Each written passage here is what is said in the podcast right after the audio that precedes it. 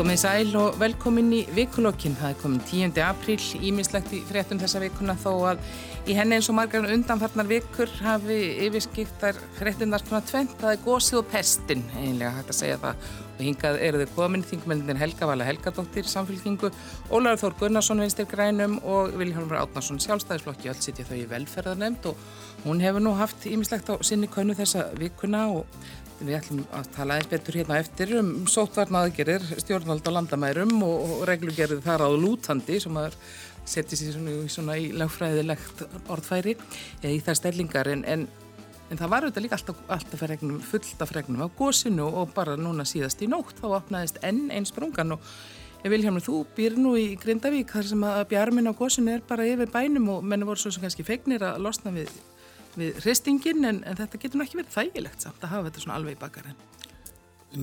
Bæði og sko, þetta er hérna, hristingunum var farin að reyna mikið á og, og, og var farin að hafa alveg svona heldur meira áhrif heldur um fólk átt að þess á.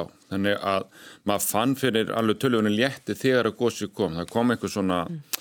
það kom eitthvað niðurstaða í það, það atbyrra sem var búin að vera í gangi, hristingurinn hætti og, og þetta var á svo góðum stað og þetta var svo lítið gós og annað slíkt. Þannig að, að, að þetta, þetta var bara þannilega kærkomið. En Elgós er samt alltaf alvarlegur hlutur og þetta sem við erum að sjá, bara eins og verið gerast í nótt þessi opnast nýja og ný sprunga að, að það er farið að vekja svolítið auk út af því að það eikst alltaf gas uppflæðið og, og það er kannski svona það sem er hvað, hvað óþægilegast í þessu að áhrifun af gasinu og, veist, og það er er ekki allir sem finnir þetta og þú veist ekki nákvæmlega hvernig vindáttin snýst og, og, eða hvernig lognið kemur og annað slíkt sko. þannig að fram að þessu að, að gasi jógst þá var þetta bara svona þokka, þokkalegt að búa við þetta bara þessi falliði bjarmi og lífi í bænum og hérna og allan að sjálfa mig varðar og marga aðra að þá er þetta bara búið að auka útivistina? Að lappa upp að gósi og, og ertu búin að fara oft? Ég er búin að fara þrísvar þannig, að, þannig að, að og það er alltaf ja, gaman og, að koma þarna upp yttir og, og fallegt og það er eitthvað svona friðsald þarna í kringum þetta. Þannig að, já, það er svolítið svona þetta sem við erum að fylgjast með núna hvernig þessi gastreifing verður og hvernig þróunin er í því. En finnst fólki óþægilt að heyra þessu, ég minna þetta er náttúrulega núna komið þriðja sinn í vikunni þar sem kemur bara ný sprunga, ný sprunga, ný sprunga sem að menn svona bjög búast við, búin að segja marg ofta þetta sé ótregnanlegt og allt getur gerst en, en samt er þetta svona svolítið óbrætt þegar það er koma. Já, það er koma svolítið brætt þannig lagað en og viðstu, einhverjur fannir að segja herðu, jarðvísindmennin get ekki sagt og eitthvað svolítið, við skulum samt hafa hreinu að Þeir eru búin að nákvæmlega segja okkur hver góðskangurinn er og í hvað áttan liggur og allar þessar sprungur eru að koma þar upp.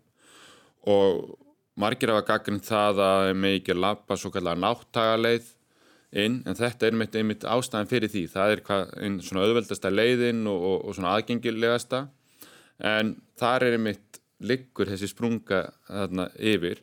Þannig að ég held að við verðum bara að rósa jarfisindafólkinu, almannavörnum og bara viðbrasaðlunum almennt hvernig þau hafa tekið á þessu máli. Þannig að, að, að það að sprunguna séu að opna svona held ég sé ekki aðalatrið það er heldur hvort það er að aukast gasuppstrimi ég held að það sé það, svona, það sem við þurfum að horfa að því að hitt er svona það hefur enginn látist út að elgósi út af því að það opnast undir þeim en ef þau er að fara ekki valega, er að nálgast hérna hraunjæðran og mikið og annað slíkt, það er hættan. Mm. Ólafur Þór fylgst mæntilega, mann sitja nú sumi sitja nú bara alveg dálitir við hérna útsendingarnar. við, við, fáum, við fáum veldingar hingað upp í hús ef eitthvað er verið að eiga við breyta fókusnum með einhverju sjást á vappi þá bara fáum við post og sagt, hér er eitthvað að gerast. Er það að missa stjórnina á, á vélni En, en hefur þú, ert þú búin að fara það neina eftir? Já, ég gekk mína píslaðu eftir sköngu á fyrstægin langa þarna uppbyttir og, og hérna og það var svo sem engin, engin hérna, engin meiri áttar árensla og, og, og í rauninni bara ótrúlega vel að öllu staðið þanns mér og og bara stuðningurinn sem að maður svona, þessi óbeini stuðningur sem að maður finnur til að mynda í viðbræðsæðalunum sem er á staðnum og svona þessi vittneska um að, að þarna er fólk að, að uh, fylgjast með á vakta uh, skiptir náttúrulega alveg gríðarlega miklu máli og, og teku undir með Vilhjálmi hvað, sko, hvað þetta fólk er búið að vinna mikið óeingjant starf og mest af því sjálfbóðavinu er, er, eiginlega, er eiginlega alveg ótrúlegt og, og, og hérna, nú eru menn reyndar að tala um að, að það þurfi kannski að, breyta því. En já, ég fór að skoða það, mér fannst þetta mikilfenglegt. Eh, þetta myndi mig, nú náttúrulega dagsettum að þessu svolítið, en þetta myndi mig á þegar ég var pínlítill snáði og mamma fór með mig eh, austur að heklugósinu 1970. Mm. Eh, það, það reyfiðast upp í minningunni og mér fannst þetta að svipað einhvern veginn svona að standa við hraunjaðurinn og mér finnst svona einhvern veginn, þetta er, þetta einhvern veginn setur svona, setur mann einhvern veginn í samband við náttúruna e, þarna tekur hún bara völdin sem hún kannski á alltaf með réttu. Og, e, og, og, og það er holdt fyrir mann að standa frammi fyrir sko í rauninni þessu já, þetta er svona. Og það eina sem við getum gert er að haga okkur í kringum þetta. Mm. Nú hefa menn svona, það hefur nú verið allræmdur kaðall hérna í síðustu viku mm -hmm. og menn höfðu áhugir af því að sóturinn sem, sem betur fyrir ekkit frest að, að það hefur komið upp smita mm -hmm. en það hefur svona verið samt ímislegt í kringum þennan mannsöfnu sem að Já. þarna hefur orðið Já. bæði það að fólk sé að koma saman það var snertingar, það voru ferðamenn sem ekki voru að verið að sót kví og landamærum og svona, mm. þannig að þetta verið ekki alveg ekki alveg verið vandræðalust Nei, auðvitað, auðvitað er það, en það sagði ég það það eina sem við getum gert er að hafa okkur mm. og, og ég til að mynda þegar við gengum brekkuna uh, hérna þessum að þessi kaðallir að ég varði ekki var við það að það væru yfirleitt margir að snertan, það voru kannski helstegir sem að voru uh, kannski örlíti fótafúnari heldur en að mista kosti ég og, og kannski þessum yngri eru. En það eru líka aðra leiðir sem eru þá ímist, ímist ögn lengri eða ögn erfiðari. Eh, sem hann geta farið eh, og sloppið þannig við að, að, að, að hérna, fara snerta við þessum kali og, og það er bara, ég menna, það er náttúrulega bara svolítið val fólks að gera það. Eh, allavegna þennan dag sem ég var þar, þá gæti ég ekki séð að fólk væri að hópast saman. Jú, fjölskyldur og hópar sem voru hvort sem er að koma saman og staðin heldur náttúrulega saman en það er aðna til að mynda aðna, vestan við eh, gósið í geldingadölum er ágætlega falleg svona grasigróðum brekka e, það sem að, e, sem að fjöldimanns í stóri brekku satt og borðaði nesti sitt en það voru allir í sinni litlu búblu, það var engin að, mm. var engin að setjast hjá næsta manni sem, að, sem að hann þekkti ekki eitthvað svoleiðis. Þannig að ég held að almennt séð þá hafi undanfarin að uh, þessu gósi, þar sem við vorum að búa, ef okkur býstna vel í sótunum, uh, áður en að þessu gósi komu, mér sínist menn svona stórt séð vera að virða það. Mm. Vandamáli með landamærin hins vegar er náttúrulega eitthvað sem þá er verið að reyna að taka og við erum að, að fara að spella eitthvað aðeins um og eftir. Helga Val, er þú búin að fara að gósi? Já, já, já. Mm. Ég hérna fór að gósi og, og var svona eh, bísnast lög gagvart í. Uh, mér fannst þetta stórgóslegt á að líta í sjónvarpinu og, og kvekti oft á því og sá náttúrulega allar myndirnar á samfélagsmiðlum og, og, vídeo á samfélagsmiðlum en þegar ég kom þarna þá var þetta bara miklu mikilfenglegra en ég átti nokkuð tíma að vona á og var þó dregin upp að heklu áratuga eftir Ólafi Þór en það var ég ekki fætt þegar hann var dregin lítill upp að heklu. En hérna ég uh, á minningu frá því því ég er lítill sko en þetta er bara svo mikil nálægð. Og þegar við sátum hann í brekkunni sem að mér skilst að núna sé ekki lengur hægt að sitja í umrættir brekku því það eru komnar hérna sprungur uh, þarna bara á þessum stað þar sem við vorum bara fyrir hvað tvei vikum mm. að þá hérna að þá einmitt brotnaði annar gígurinn aðeins að brotnaði einn vekkurinn og, og að okkur streymdi þetta glóandi raunhaf þannig að fólk þurfti að færa sig ofar í brekkuna. Og hraðin í þessu og hitin af þessu.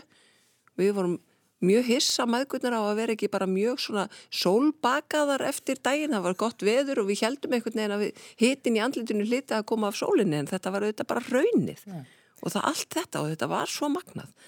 En mér skilstu varandi kaðalina að það sé búið að útbúa nýja leið núna. Já, já, uh, af því að hérna, af því að já uh, jörðin hún hefur bara opnast í tvígang og, og nú þurfum við að fara aðra leið. Já, en þetta er, þetta er magnað og ég segi eins og Vilhelmur saði áðan varandi vísindafólki þá er ég með svona blæti fyrir vísindafólki. Að ég einhvern veginn bara mér finnst bæði þegar kemur að, að, að sóttvörnum og, og öllu þessu þessu hérna COVID ástandi sem við höfum verið í síðasta árið sem og núna eldgósi ég er bara einhvern veginn ég er bara svo þakklátt öllu þessu fólki sem hefur lagt umtalsvert erfiði á sig að menta sig í þessu. Og ég bara og, og fræð okkur að því að ég kann ekkert í jarðfræði, ekki neitt og ég bara játa það eða, eða, eða jarð eðlisfræði eða hvað þetta er allt saman. Bara takk því öll fyrir að fræða mig. Og, og það vaknar ekkit í þér svona bestservisera tendensar sem að mér finnst nú örl á hjá sumum þegar jú, menn fara aðeins að rifja upp gamla þekkingu hvort sem er í faraldsfræði eða í, hérna, í jarðfræði sko. Alltaf, Ég kann ekkert í þessu. Ekkert. Nei, ekki, ekki, ekki einn frasa sem þú getur rifjað upp. Minnist aldrei á apallraun til dæmis. Eh, nei, en ég skal reyna að leggja það á minnið. en þetta hefur verið, en svo hafa við náttúrulega verið að tala um, það hefur verið mikil mönnun að það hefur búið að vera mjög mikið hjá Björgunarsveitunum og, og það var einmitt, eh, Rökkvaldur Ólásson talaði um það í gæri að þetta væri kannski, þetta er náttúrulega orðinlangur tími og þetta er fyrir sjánlega ekkert að fara að hætta, þannig að það þurfu kannski einhvern veginn að fara að breyta skipulega.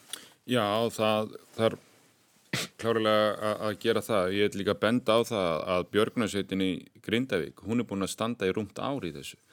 Að, að koma að öllum viðbrags hérna áætlunum og, og öllum almannavarnafundunum og þannig að þeir eru búin að vera undirbúa jarskjálta viðbröð, elgosa viðbröð um víða, rýmingar á bænum og vist, þessi hérna viðbragshópur á suðunisjum öllum er og, og náttúrulega með almannavörnum um landa allt að þeir hafa staðið svo ótrúlega vel og eru bara mjög uppdöfni síðasta árið í þessu. Og þannig að veist, þetta er fólk sem er að fá frí hjá vinnuveitendum sínum og annað slíkt og á sína fjölskyldur og annað. Þannig að, að auðvitað vita allir að þetta gengur ekki svona til lengdar. En það sem við höfum og þekkjum og kunnum hér á Íslandi er það að taka skindilega við á mótu mikið á fólki. Og þannig að við erum um stóra ferðamannastadi sem er að fá svona mikið. Þannig að nú þurfum við bara að setja þetta upp sem ferðamannastad sem er vissulega með aðeins meira hættu og, og, og annars líkt þannig að, að það sé bara skipula þannig en að fólk getur verið svolítið á eiga ábyrð en við erum með einhverja landvöslu og einhverja svona aðra þjónustu þarna á innviða á staðnum og svo verða björgunarsveitirnar og viðbræðstæðarlega þá bara tilbúinir komið eitthvað upp á að bregðast við.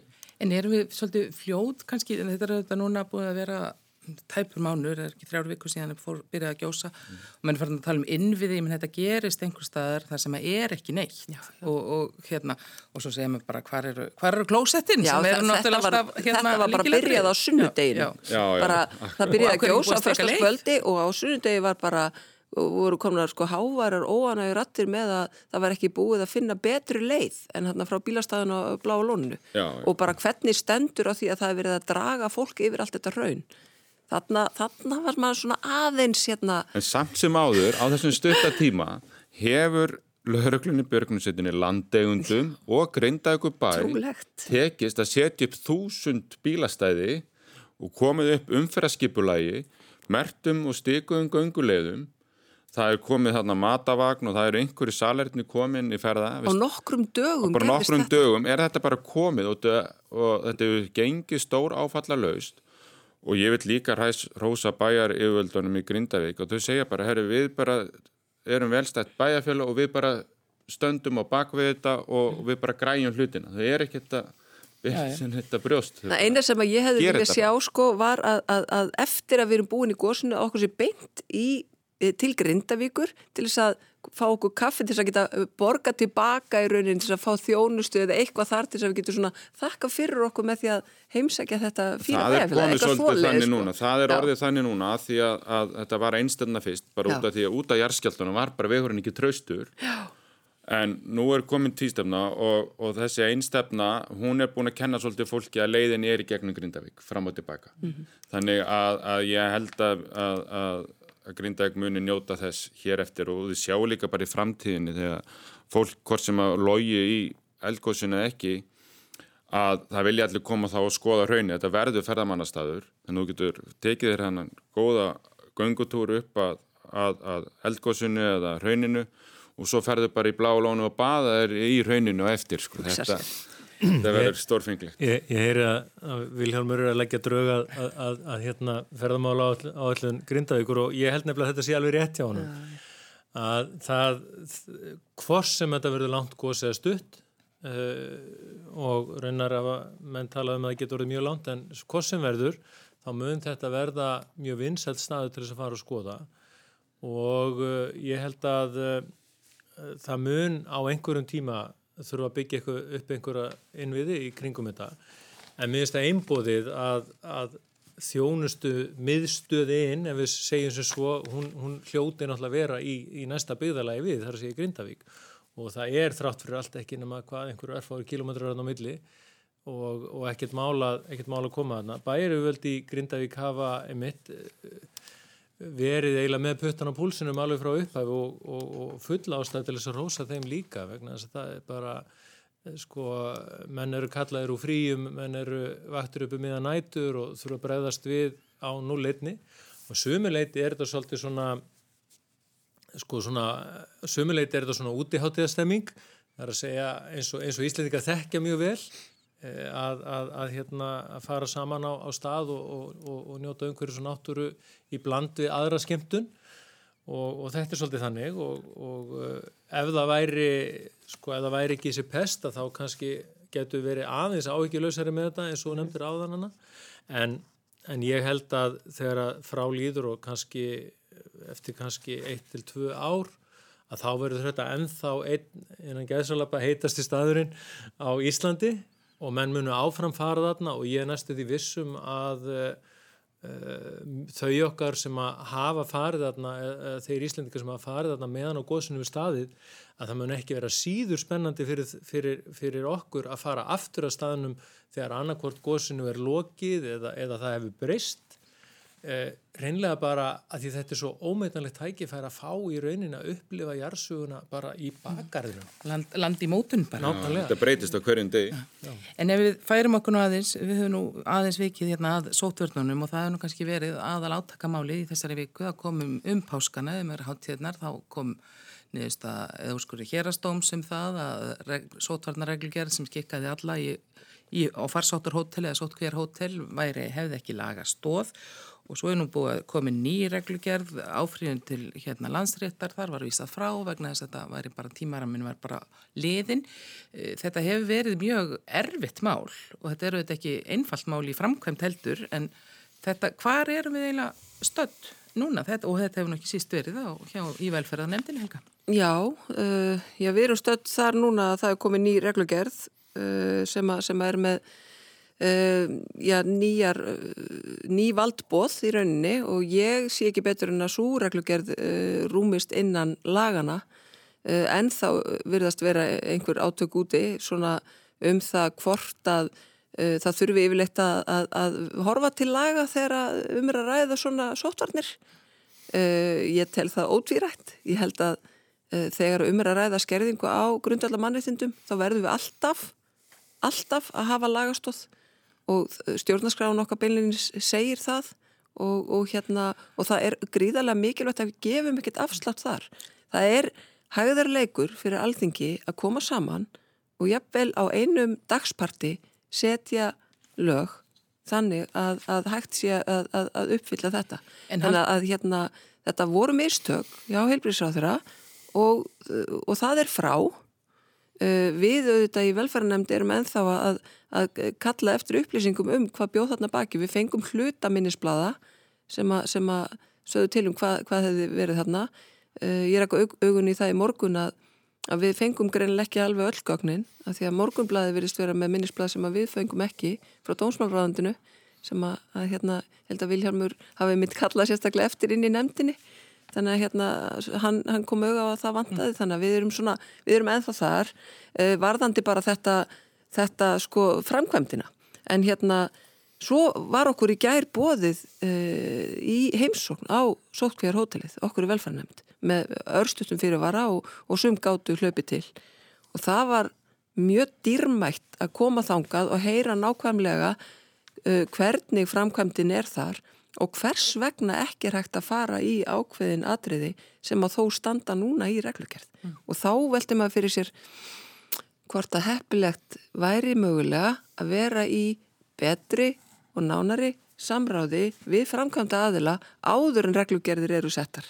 Ég held að það sé mikilvægt og mikilvægur lærdómur og eiginlega óskiljanlegt að svo hafi ekki verið áður en að reglugerð hinn nýja var sett. Að því að við erum í svona, svona smá svona, það, það er vond þegar þetta fer í eitthvað uppnám eins og gerðist þarna og vond þegar það virðist veginn að það hefði ekki tekist að gera þetta með eins fullkomnum hættu og mögulegt er núna aftur en sjáum hvað setur.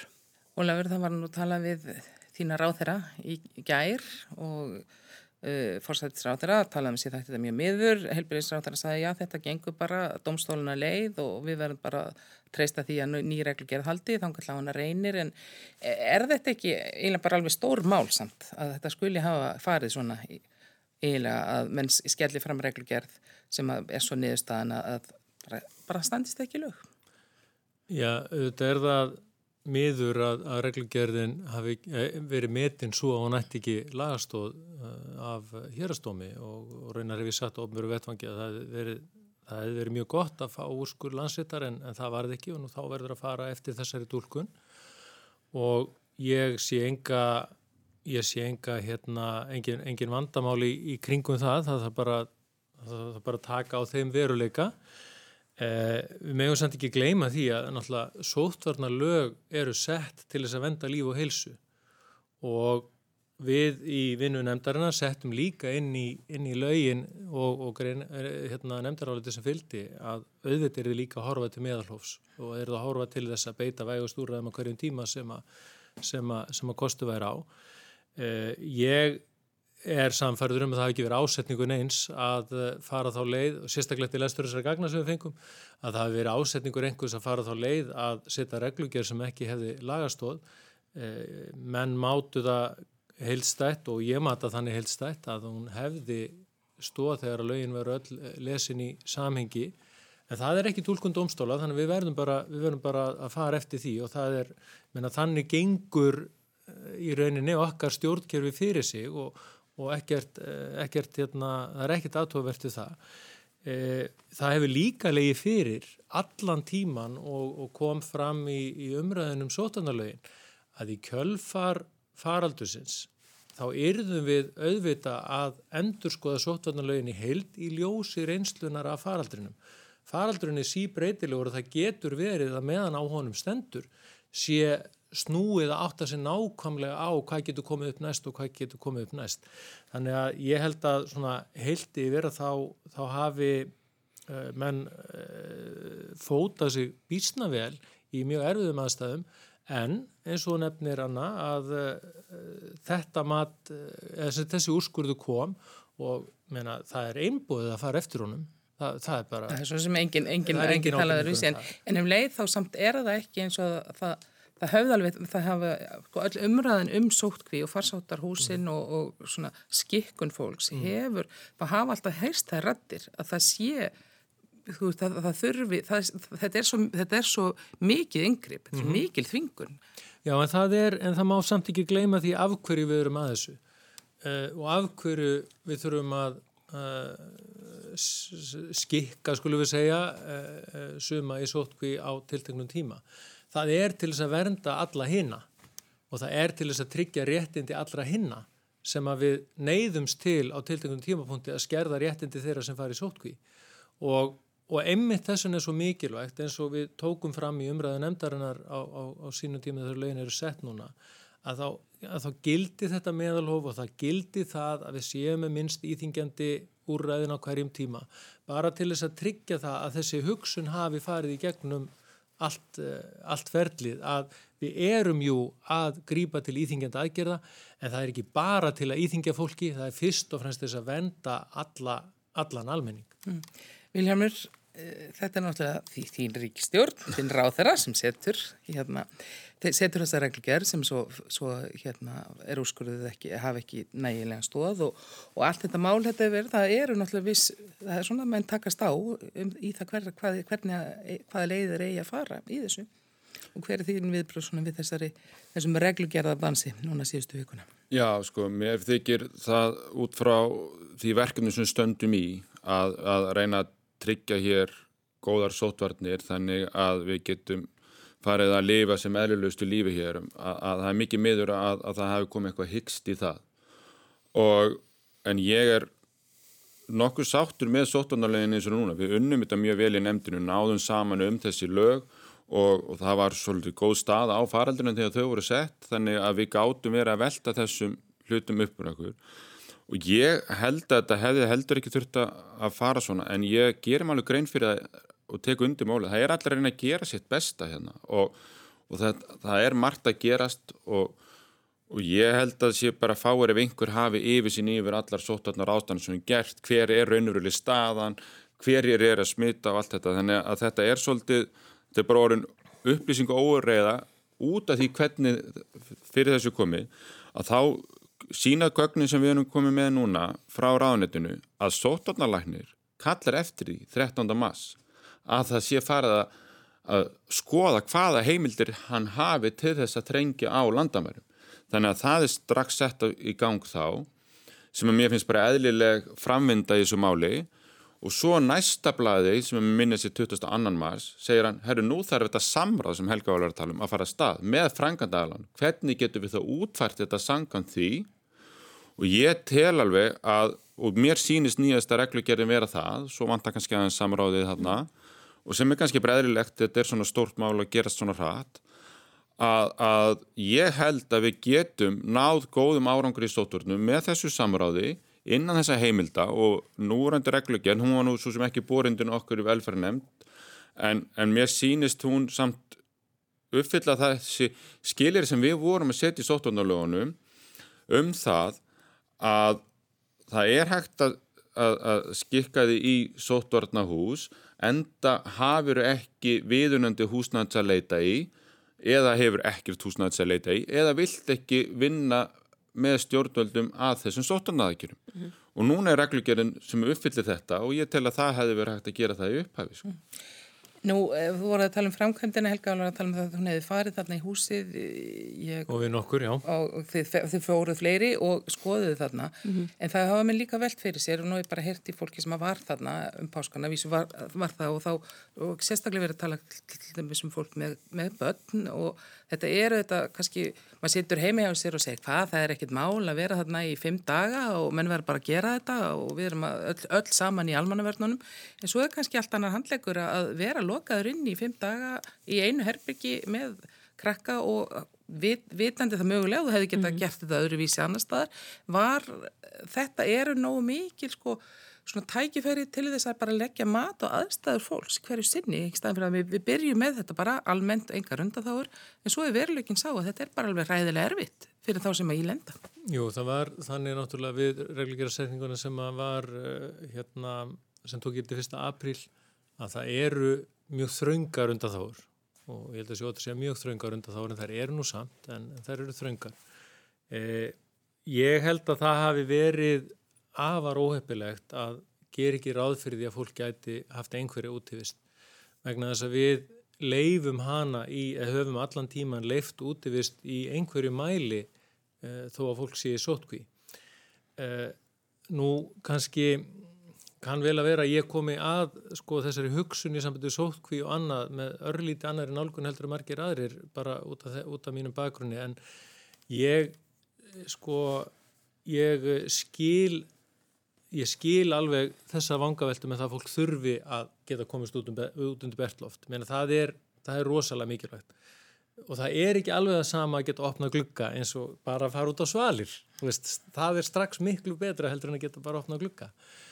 Og nú eru stafsmenn uh, Sótkvæður hótelsins að uh, vinna í því að finna leiðir í kringum það að, að geta sagt, uh, tryggt fólki það að fái einhverja útvist á hverjum degi en, en eins og Helga var að koma inn á þá kemur það fram í heimsókn okkar þangað í gær að það er ekki bara einfalt að gera það. Og, og það stafar af, af og það stafar fyrst og fremst af vilja manna til að halda sótvarnir og við skulum ekki gleyma því sem er, sko, sem er alveg ótrúlegt afreg í, í, í rekstri þessara sótvarnahúsa og sótkvíjarhótela og, og þessar úrræði sem Rauðkrossan hefur verið að standa að fyrir okkur að það hafa ekki komið upp smitt innan hótelana sem er alveg gríðarlega mikilvægt en það stafar ekki af engu, það stafar af því að menn hafa verið að passa sig alveg rosalega vel og unnið alveg frábæra vinnu og við höfum þegar heyrt af þó nokkuð mörgum faröldrum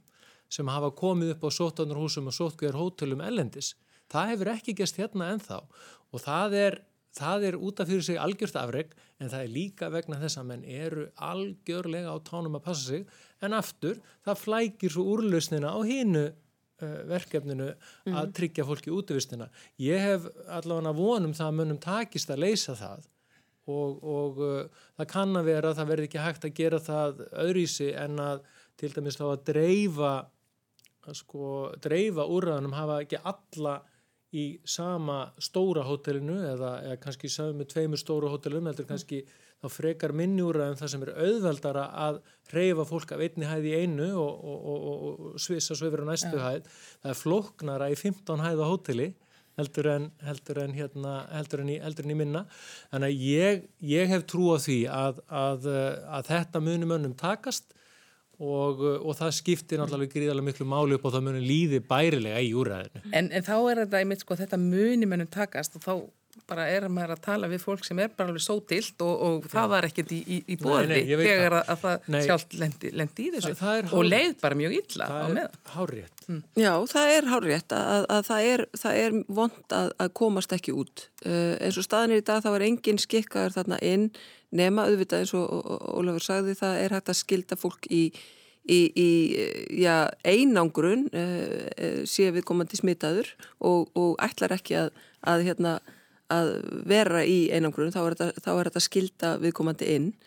Uh, en hérna en það var eiginlega sjokkarandi gæri að hlusta á þau sem er að reka þetta sem er Rauðakrossin sem er búin að ráða inn sko hundruðir starfsmanna það er ótrúlegt að hlusta á lýsinguna þeirra 16 hæða hótel uh, þar sem fólk má ekki mætast á göngunum. Það, það, það gengur ekki að því þá er komin smittætta þannig að það má bara einn vera á ferðin í einu og, og í hvert einasta skipti sem einhver fer inn í liftu upp eða niður, þá er hún sóttrensuð á milli og það tekur einhver tíma að sóttrensa alla nappa og liftuna eftir hvern einasta umgang og þegar maður áttar sig á þessu að það, hver, hversu mikla sóttvarnar ástafanir eru þarna inni við það að hver einasti einstaklingur lappar inni eða út af hotellinu þá áttar að segja á því að það er algjör ómöguleiki að heimila úti veru á þessu hotelli. Ef þetta væri hotel með svölum út úr herbyggjum þá væri þetta allt önnur staðu uppi. En þetta er 16 hæða hotel þar sem eru liftur, það er einn útgangur sem að annars verður inn og hins verður út og þegar við vorum þarna e, í afmörkuðu rými þá kom rúta frá keflagflöfulli e, með 14 gesti og, og við, við fylgdus með hvernig það var að það var einum hleyft inn í einu til að skrá sig inn og, og, og framkvæmdinn þannig að viðkomandi fer upp í liftu og hún er sóttrensu þegar liftan kemur tilbaka. Þið viti, þetta er bara miklu meiri framkvæmd en við getum ímyndað okkur sem gerir það verkum að það verður ekki hópsmitt á þessum stöðum. Mm. Það eru mörg hundru mannsatn inni og allt þetta starfsfólk sem er búið að þjálfa núna inn, reðu inn 80 manns núna sem er bara ekki heilbríðistarsfólk, heldur bara fólk af meðal annars atvinnleysisgrá sem er bara þjálfað upp í uh, sótvörnum, í að klæða sig í og úr þessum göllum uh, sem er þjálfað í, í virkri hlustun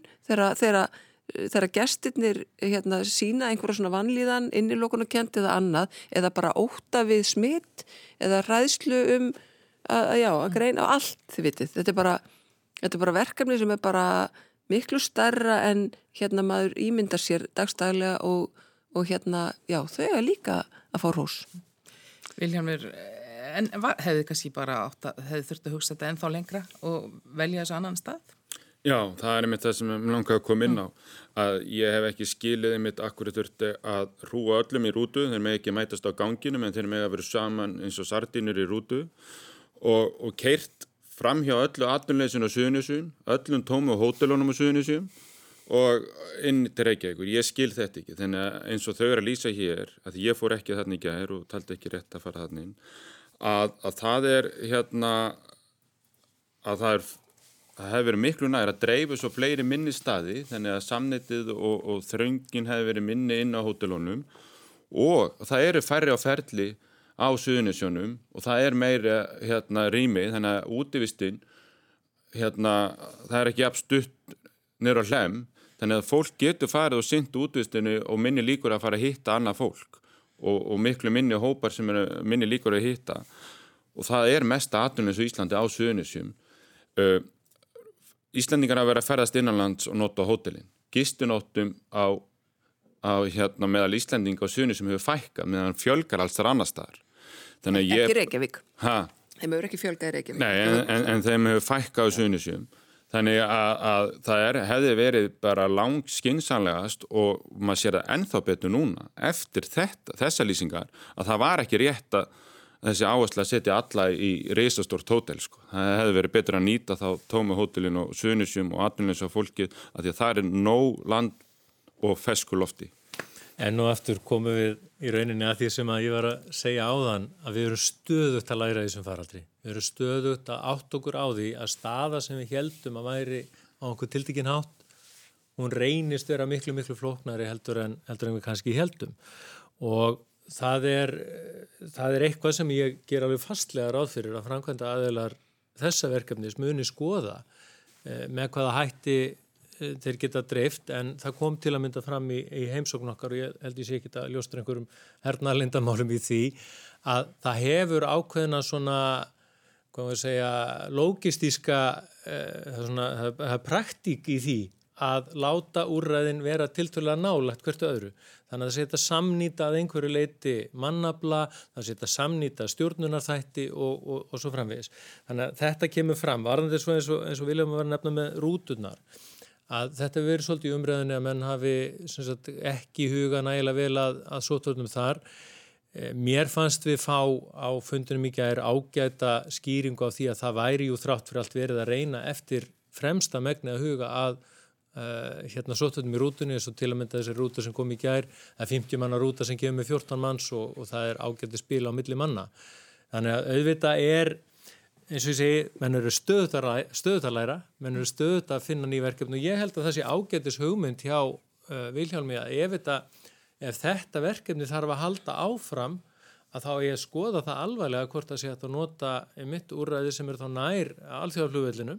Við erum raunar með eitt sótkvæðurhótel þar eða það er aðeins annars eðlis sem er alveg við flugvellin. Það er svona í bíli hugsa fyrir þá sem að einhver luta vegna er snúi við á landamærunum en, eh, en það er sagt, þannig að það er einhver stasjón þetta suður frá en, en það, það, væri, það væri virkilega Eh, einna með þessu verið að skoða það nákvæmlega hvort að vera að færa meira af starfseminni nær flugvellinum.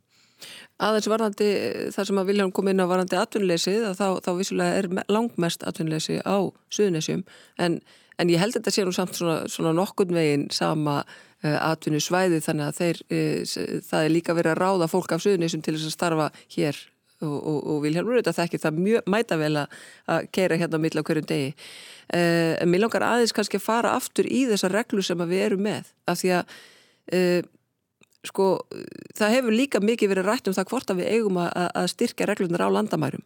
Og þar finnst mér uh, ríkistjórnin tala tungum tveim. Af því að við erum annars vegar að tala um það að styrkja sótvarnareglur og, og, og, og já, reyna einhvern veginn eins og við getum að verja okkur Og, og þar er, er, Þórólfur Guðnarsson sóttvarnalæknir alveg skýr að honum líst ekki á þessa, þessar eh, auk, auknu eh, kröfur um, um tilslaganir á landamærum sem koma frá ráþurum sjálfstæðisflokksins. Og, og á sama tíma er helbriðsráþur í sömuríkistjórn að tala um að hún vilji fara eftir því sem að sóttvarnalæknir segir. Og á sama tíma finnst mér almenningur, meginn þóri almennings vera sammála Þórólfi Guðnarssoni og ég er það svo sannarlega líka. Ég tel miklu mikilvægara núna að við, við sko verjum landamærin eins og við getum til þess að við hérna innanlands getum lifað sem eðlugustu lífi.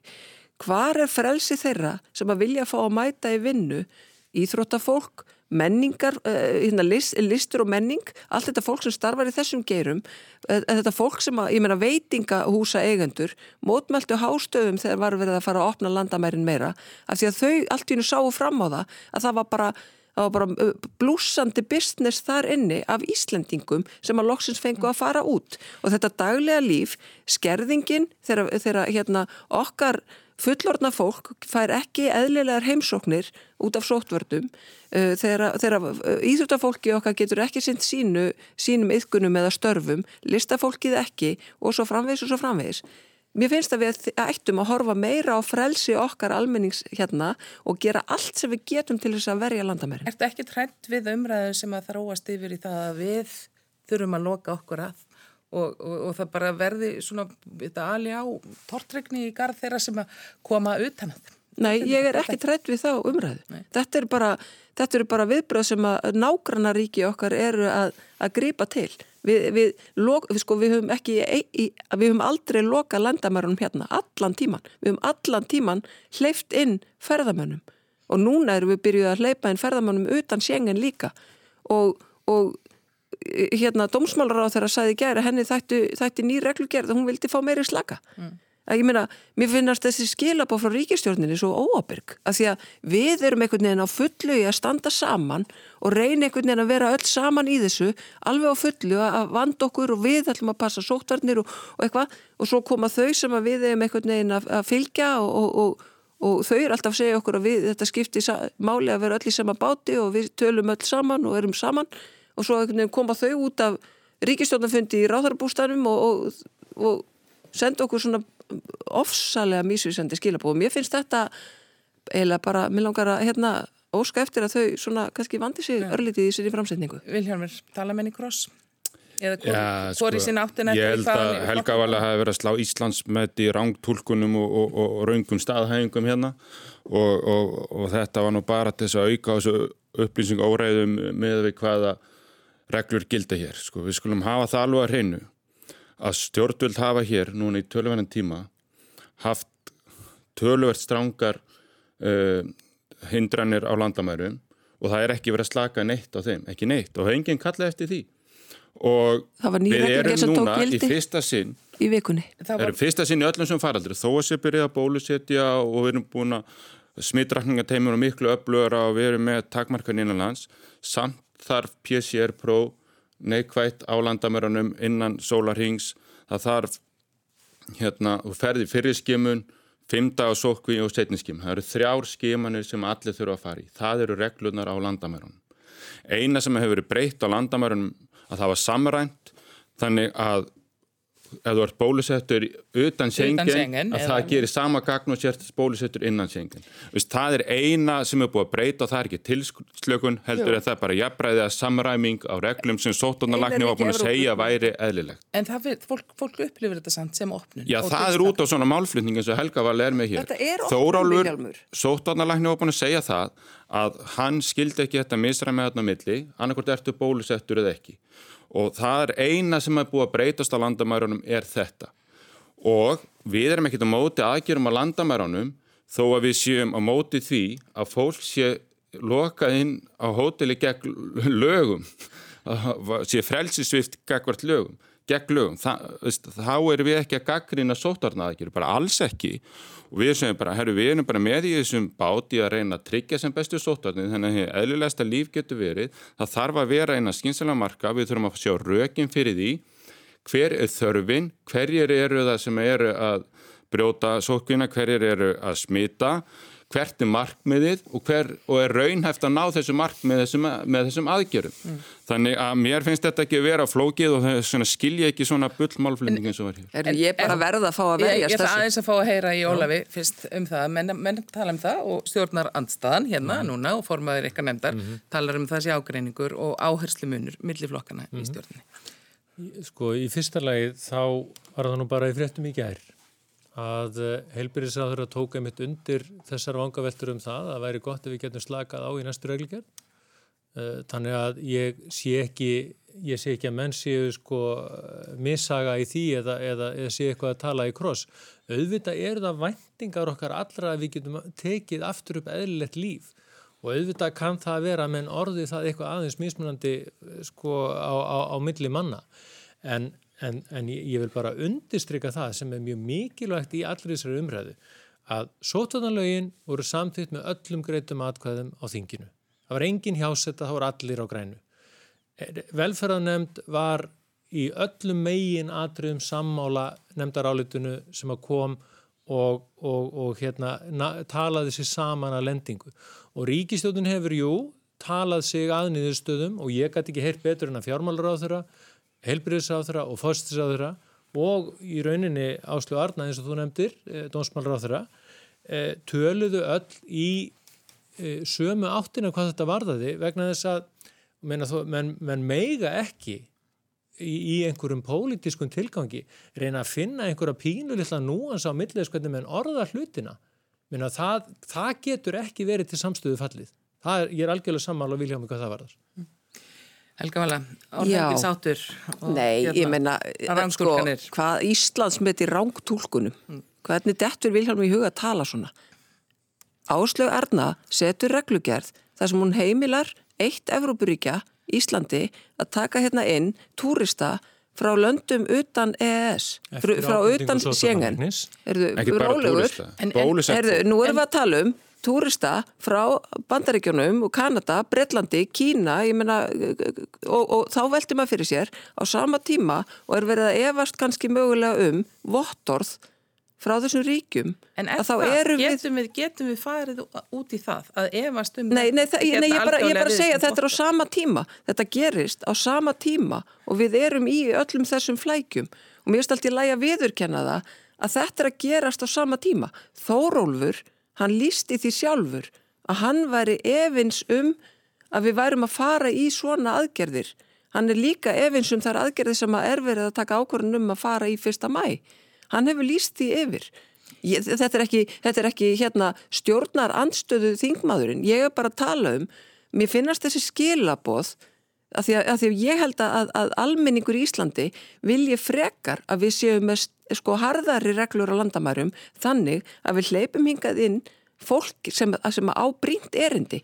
Þetta eru aðgerðir sem hefur verið að framkvama við í kringum okkur í Noregi, í, í Nýjasjálfandi, öðrum Evrópuríkjum, þar sem að sko í Breitlandi þar er beilinnis verið að búa það að sekta breyta sem að fara í tilhæfulegs ferðalög sem er þá bara þetta sem kallast frí mm. eða bara eitthvað svona skjótast í eitthvað svona eitthvað en, og, en... og hérna og hann hefur sjálfur óskað eftir því og sendt svona tilmæli til almennings að reyna að vera ekki mikið að flakkum heiminn. Mér, mér finnst ekkit óeðlilegt að við svona virðum það örlítið mm. í staðin fyrir að við segjum já ok, reynum að, að fara ekki mikið til útlanda en við bjóðum hérna uh, uh, útlendinga erlenda ferðamenn velkomna og förum með þessu í markasherrferðir En erum við ekki alltaf... Er stutt stöð, síðan það var. Við, við, erum, við erum að tala um það, ég menna við erum að tala um velta fyrir okkur ferðamennskunni og svo um leiðseginni að við ætlum að helst ekki að fara. Umræðin í vikunni fór líka svolítið út í bara umræðum ferðalög einstakra manna. Æ, mér fannst það nú algjör óþarfi. Hérna, er, er, er það ekki komið svolítið fram úr sér? Nei, mér, já, mér finnst algjör óþarfi við, við förum eitthvað að hérna að búa til einhverja spælingu yfir því hvort að fólk farið ekki. Þetta eru reglurna sem eru núna. Mm. Það það sé, þú veist, en ég bara segja, við ætlum ekki að fara eh, hérna, að henda skömm yfir einstaklingar sem að fara í ferðir sem eru bara sem að fólk má alveg fara í en sko en það, líka... ég, bara, ég bara nenn ekki að, að láta þess að þetta hafi eitthvað með flokkspolítík að gera ég er bara, ég bara að horfa þetta út frá þessu, þessu fægi sko. og þessum ágæta fræði ekki sótvartalækni í þessum, þessar umræðu og sérstaklega þegar við fórum að tala um opnum landamærina að það er svolítið stokkið úr þessari sjengen viðkenningu og utan sjengen ból, bólusetningum og svo í litakóðunakerfið sem að eiga að taka gildi um næstu mánaðamót og er svolítið óljóst hvernig verður útfært.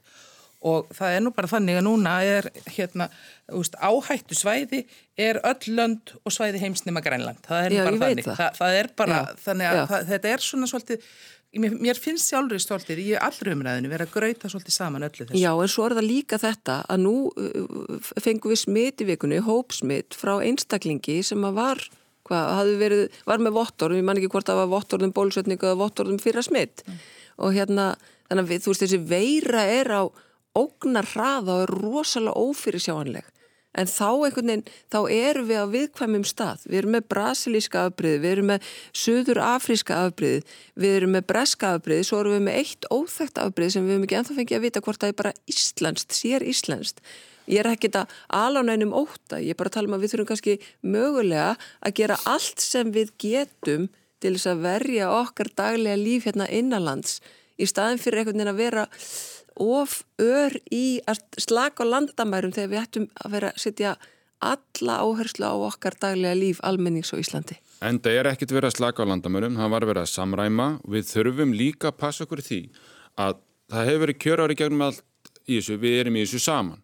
Og ef við ætlum að fara að ganga á langt, frelsisvifta fólk eða ganga á langt í bara að loka landinu og eitthvað svona, að þá bara verður stór hópur hér innanlands sem að mun ekkert fylgja okkur lengur. Mun bara hætta að sinna sótturn mun bara fara í upprist Vi, við sjáum mótmælu og Ídalíu og fleiri stöðum og við erum að sjá fleiri greinar dag eftir dag í blöðunum hérna sem að fólki komi upp í kokahausu þannig að við verðum líka að passa okkur að gangi ekki fram á fólki. Þannig að þetta er bara hinn gullni meðalvegur sem þurfum að stíga í þessu og það er gríðarlega mikilvægt.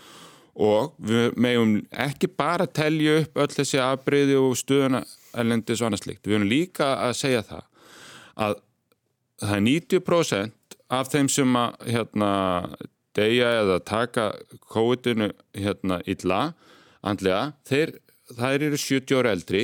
Við erum okkur að takast núna í þessari vika að klára að bólusittja alla 70 ára eldri. Það er hópunum sem hefur búið að bólusittja viða í heiminum. Þetta leitakóðanakerfi Vist, ég hef ekkert mikil ágjör að því sko hvort um að það verði fyrsta mægi eða ekki. Við bara höldum þessu dampin sem við erum núna ef að þeir sem eru bólusettur og annað slíkt og það er svolítið annað að taka mótu bólusettum einstaklingi eða sá sem er með mótefni og við erum langt komin í að bólusetja okkar áhættuhópa og okkar framlýnustarfsfólk að en þá ætla ég samt að benda á það. Við erum að rífast einhvern veginn að lita að kerfi við að taka í gildi fyrsta mægi eða ekki og og það held ég að sé ekki stóra málið í þessu öllu og mér finnst við ekki að spara þá umræðu en mm. var ekki reglugjör að falla hér sem er einmitt byggð á litakonakerfi þú þart ekki að fara í sóttartahús nefnum sért frá dökkuröðurlandi en þú ert frá appisunugurlandi þá er engin hægt að þú sko hérna brjótið sótkví og komir á stað faraldri hérna, þó hefur komið smittaður mm. Þannig þetta er Þetta er ekkit einfalt úrlustanir? Nei, þetta er ekkit einfalt og, og hérna sko Lítakóðunarkerfið held ég að sé ágetist tilraun til þess að reyna átt okkur á því hvaðan hættan gæti mögulega stæðið að. Og það er eins og allt annað sem hefur verið fundið upp í þessum faraldri. Það er mannana verk og það kann að vera að það þurfa að vera meiri dreifð á því.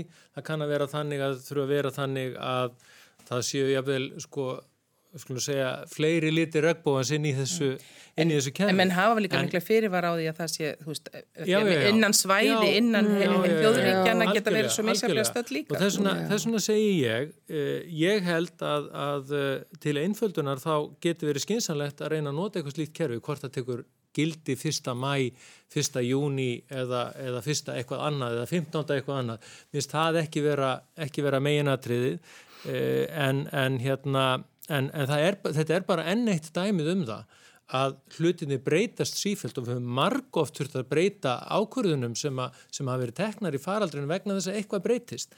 Og varðandi síðan það að við séum að uh, stór breyta reglum á, á landamærunum þá er tekið undan með Viljómi, við erum fyrst og næst að taka sagt, eh, samræma reglunda hvað það varðar að þeir sem eru bólusettir með vel að merkja þeim bólöfnum sem að Evróska Lífjastofnunin hefur samþygt og eru með vottorð um að hafa fengið það bólöfni. Það er nú öll breytingin. Og, eh, og að tala eins og Helga Valli gerir hér um það við séum að hleypa inn ferðamönnum á þess að, sko, á þess að segja í sömu setningunum bólusettum ferðamönnum Það er, það, er einmitt, Nei, það er einmitt tilraun til þess að sem við vorum að ræða hér áðan að reyna með einhverju móti að koma einhverju splitti í umræðina og það er algjör óþarfi. Við stöndum vel í faraldrinum, við höfum staðið okkur vel í sótvörnum og við höfum að halda því áfram. Er það þannig að, að ferðamenn frá Evrópu megi ekki koma að henga inn? Nei, það er ekki þannig. Ferðamenn frá Evrópu megi alveg koma... Nei, ég er bara að segja, það hefur allan tíman verið opið fyrir alla ferðamenn. Nú erum við að bæta við þessu uh, fólki utan sjengan. Við höfum allan tíman verið með galópi landi fyrir öll Evrópuríki til dæmis.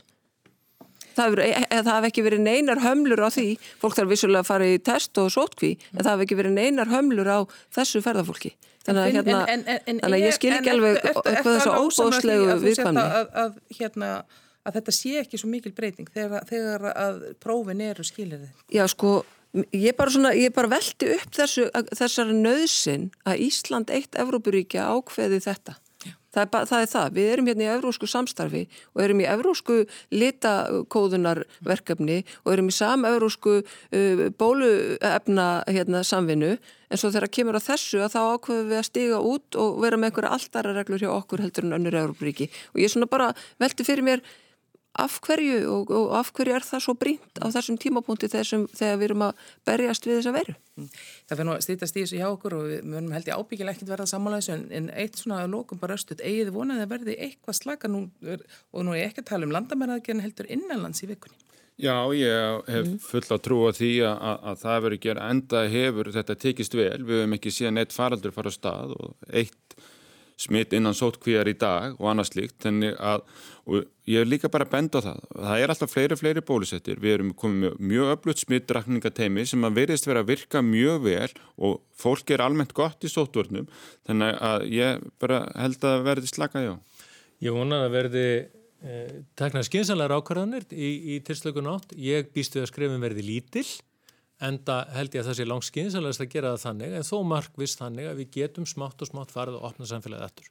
Já, já, ég held að það sé nöðsynlegt að við hleypum uh, lífi á ný í, í, í, í samfélagið. Uh, krakkarnir eru komin í skólan en uh, það eru margir vinnarstaðar en þá lokaðir og ég minni aftur á, á listir og menningu, uh, minni á íþróttastarf en langar að lokum að fá að segja einasetningu varðandi þá sem að fá ekki að njóta útiveru þá eru uh, innlend hér uh, innan heilbyrðistofnana einstaklingar, frelsusviftir og lokuðum getildum til dæmis sem að fá ekki að njóta útiveru og ég held að við ættum aðeins að vekja aðtikla á því líka. Já, það ætti að vera þá síðustu orðin hjá okkur hér í vikulokkin í dag en ég þakka þú kella fyrir komuna til mín Helga Vala Helgadóttir, Ólaur Þór Gunnarsson og Viljórum Ráttarsson verið í sæl.